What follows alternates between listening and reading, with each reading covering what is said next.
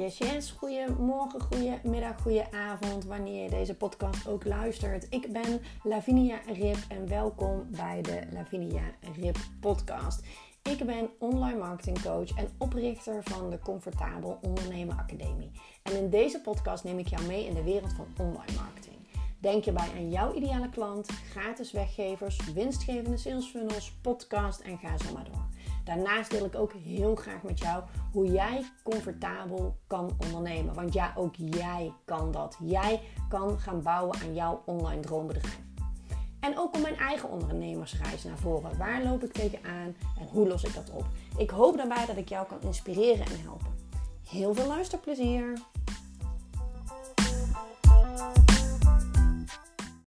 Yes, leuk dat je weer luistert. Het is maandagmiddag voor mij als ik deze podcast opneem. En uh, ja, ik heb een super lekker weekend gehad. Ik ben afgelopen zaterdag achter de schermen gaan helpen bij de dansgroep. Waar ik zelf 20 jaar heb gedanst. En uh, daar uh, mochten ze eindelijk na alle maatregelen weer een, een, voorstelling hebben in het theater. En daar ben ik, ben ik gaan helpen. Dus dat was gewoon heerlijk om dat weer een keertje uh, mee te maken. En uh, meer, uh, ja, ik ken daar ook heel veel mensen en vriendinnetjes van mij die dansen daar nog en die geven daar les en nou, noem maar op. Dus super leuk. En um, gisteren vaderdag, um, nou mijn dochter was dus bij haar papa, was helemaal blij met haar cadeautjes die ze had bedacht en gemaakt en noem maar op. En, en hier hadden we natuurlijk ook mijn man die de vaderdag cadeaus in ontvangst mocht nemen. En smiddags gingen we eventjes naar mijn schoonvader. En eh, met mijn vader had ik al afgelopen vrijdag even lekker. Ik zeg, kom je lekker hamburgers eten voor vaderdag? Want ja, wat moet je geven? Altijd super lastig. En ik zei, kom anders lekker langs. Nou, vond hij leuk. Maar toen zaten we daar, over loslaten gesproken. Um, hè, dat is de titel uh, van, dit, uh, van deze podcast. Ik zat dus daar bij mijn schoonouders. En mijn schoonmoeder zegt... Goh, had je het gezien dat ze het um, Convoy Nederland dat ze aanstaande uh, woensdag weer gaan uh, met de tractors de weg op gaan en uh, gaan protesteren. Ik zeg, oh, nee, is dat woensdag? Ik zeg, dat had ik niet helemaal meegekregen. Ik zeg, waar dan? Ja, met name de Veluwe. En ik geloof Nijmegen. Ik zeg, oh, dat meen je niet. Ik zeg, ik moet woensdag naar Ermelo. En vanuit Eindhoven, Waalre, waar ik woon, ga ik dus precies langs alle plaatsjes daar in de Veluwe, zeg maar uh, Gelderland. En um, daarna uitgezocht dat voornamelijk tussen Barneveld en Ede uh, ze de weg gaan blokkeren. Ja, en, en daar moet je langs. Daar kan ik niet per se omheen. En als ik dat wil, willen dat natuurlijk ook heel veel andere mensen. Dus ik zeg, oh jee. En ik had voor mezelf, dus ik ga woensdag naar het event van Veronique Prins, een van de grootste business coaches van Nederland. Die heeft eindelijk weer een event. Life is op haar best en ze is helemaal blij dat ze nu weer haar, eh, haar, haar dag kan hebben. Uh, ik heb er super veel zin in. En op woensdagavond is mijn dochter altijd bij haar papa. Dus ik had mezelf al een beetje verwend, zeg maar, door te bedenken: ik ga daar woensdagavond slapen. En ik ga donderdag alle acties die ik ja, leer en alle inspiratie die ik opdoe, implementeren voor mezelf en voor mijn eigen bedrijf. Die donderdag, dan blijf ik lekker nog in het hotel werken. Mooie plek. En dan rij ik op mijn gemakjes middags voor de avondspits weer naar huis dat was al voor mij best wel een beetje out of the box dat ik dat voor mezelf zo, do, zo doe. In mijn eentje in een hotel slapen en zo. Dat heb ik überhaupt nog nooit uh, gedaan. Dus nou, daar was ik helemaal blij mee en uh, leuk. Ik had voor mezelf ook een tikkeltje luxere kamer geboekt met een bad en zo. En ze hebben daar ook nog een, zwembad, dus ik neem lekker mijn bikini mee. En dan duik ik er nog even in, even lekker s'avonds, want ik zit altijd overvol dan na zo'n dag. En dan kan ik het lekker even van me afzwemmen, een keertje de sauna in, nou, et cetera. Dus oké, woensdagochtend. Ik, ik had al geregeld dat mijn moeder mijn dochter naar school zou brengen. Want we hebben één auto en ik heb de auto bij. Dus mijn man die kan daarin niet uh, helpen. En haar school is 25 minuten met de auto. Dus dat, uh, dat moet met de auto. En ik zou om kwart over zeven vertrekken. Want het is anderhalf uur rijden.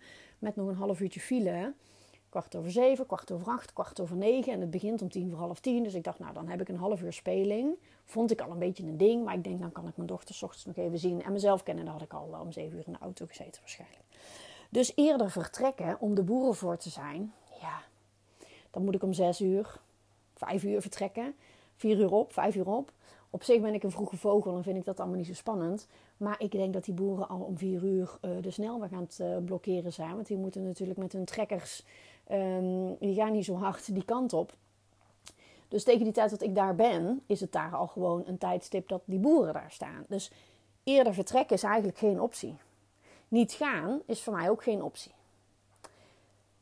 Oké, zal ik dan nog een nacht blijven slapen en dinsdagavond al vertrekken? Dat is eigenlijk de enige optie. Oké, oké, Bella, mijn dochter heeft epilepsie, vooral s'nachts. En ik neem de zorg op mij als ze hier is. Nou, ik, uh, oké, ik ga proberen te regelen. Ik heb naar vader gevraagd, zou ze alsjeblieft dinsdagavond bij jou kunnen blijven slapen? Hij zegt, nee, want ik moet, ik heb vroege dienst, woensdag, dus ik moet vroeg op, vroeg weg. Uh, dus dat gaat eigenlijk niet. Oké.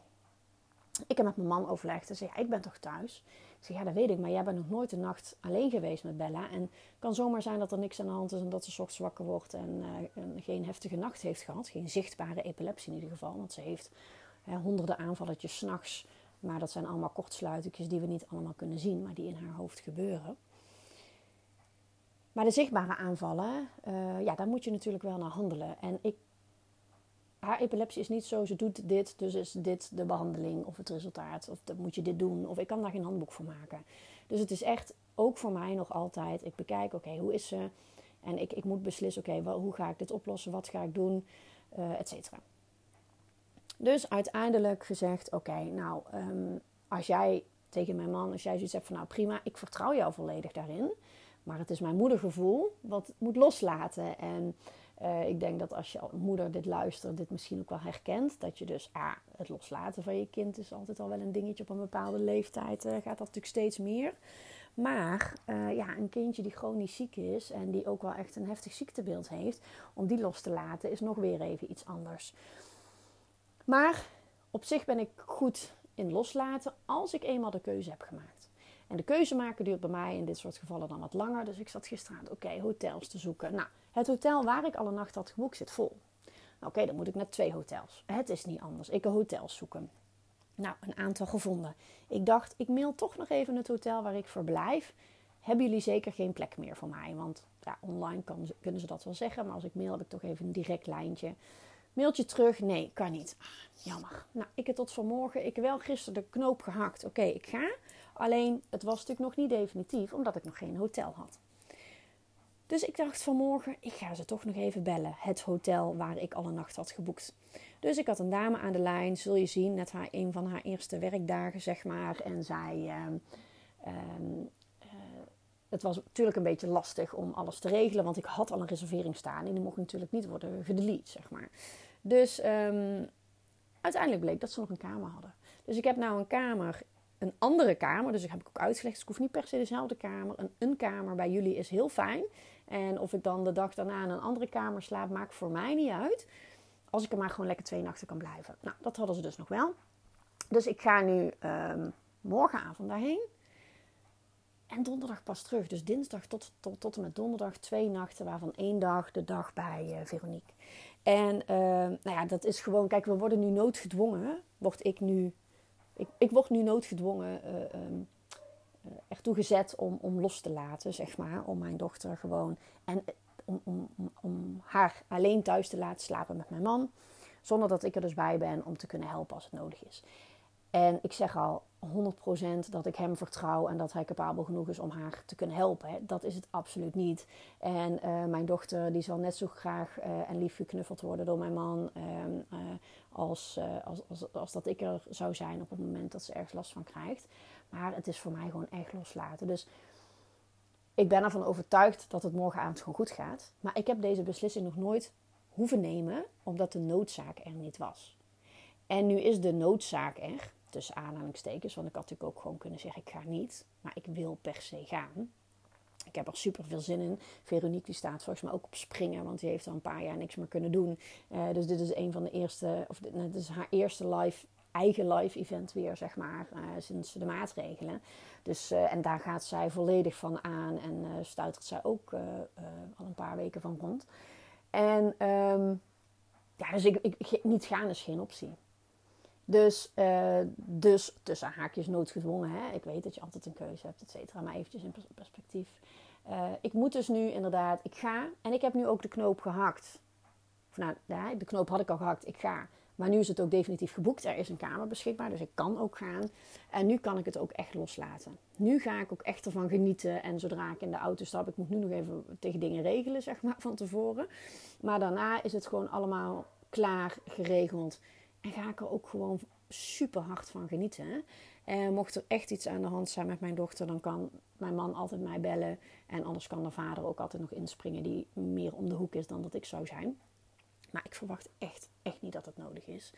Ehm, en ik denk dat het ook goed is voor mijn dochter en mijn man dat ze dat samen ook gewoon een keertje hebben, zeg maar op deze manier. Ik hoop niet dat er iets gebeurt met mijn dochter. En aan de andere kant, als ze iets krijgt, dat het gewoon. Ik, ik weet gewoon zeker dat zij dat kunnen handelen.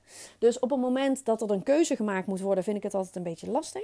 Maar op het moment dat de keuze gemaakt is, dan kan ik ook echt heel goed loslaten. En, um, uh, en morgen gewoon lekker gaan genieten. En nu al ben ik ermee bezig. Oké, dan moet ik dus nog even een extra setje kleren. Ik moet mijn jurk vaststrijken. Ik moet alle dingen die ik morgenavond wilde doen, eventjes vandaag of morgen overdag doen. Want morgen overdag ook nog eventjes een drukke werkdag. Dus weet je, ik moet eventjes plannen. Nou ja, daar ben ik toevallig heel erg goed in. Eventjes alles weer opnieuw schakelen. Ik ben heel goed in problemen oplossen en uh, vuurtjes uh, branden. Of hoe noem je dat? Um, vuurtjes branden? Nee, nou ja, je weet vast wat ik bedoel. En um, vuurtjes branden, wat zeg ik nou toch? Um, kan ik echt zo niet tegen dat ik nou eventjes niet op die, op die, op die uitspraak komt. Maar goed, ik zet het straks nog even in de show notes. Ik, um, brandjes blussen. Ja, daar is hij. Godsamme. Brandjes blussen. Ja, sorry. Dit is gewoon een uh, one-taker. Als je al uh, langer naar mij luistert. Ik neem een podcast op. Ik maak hem gewoon met mijn oortjes.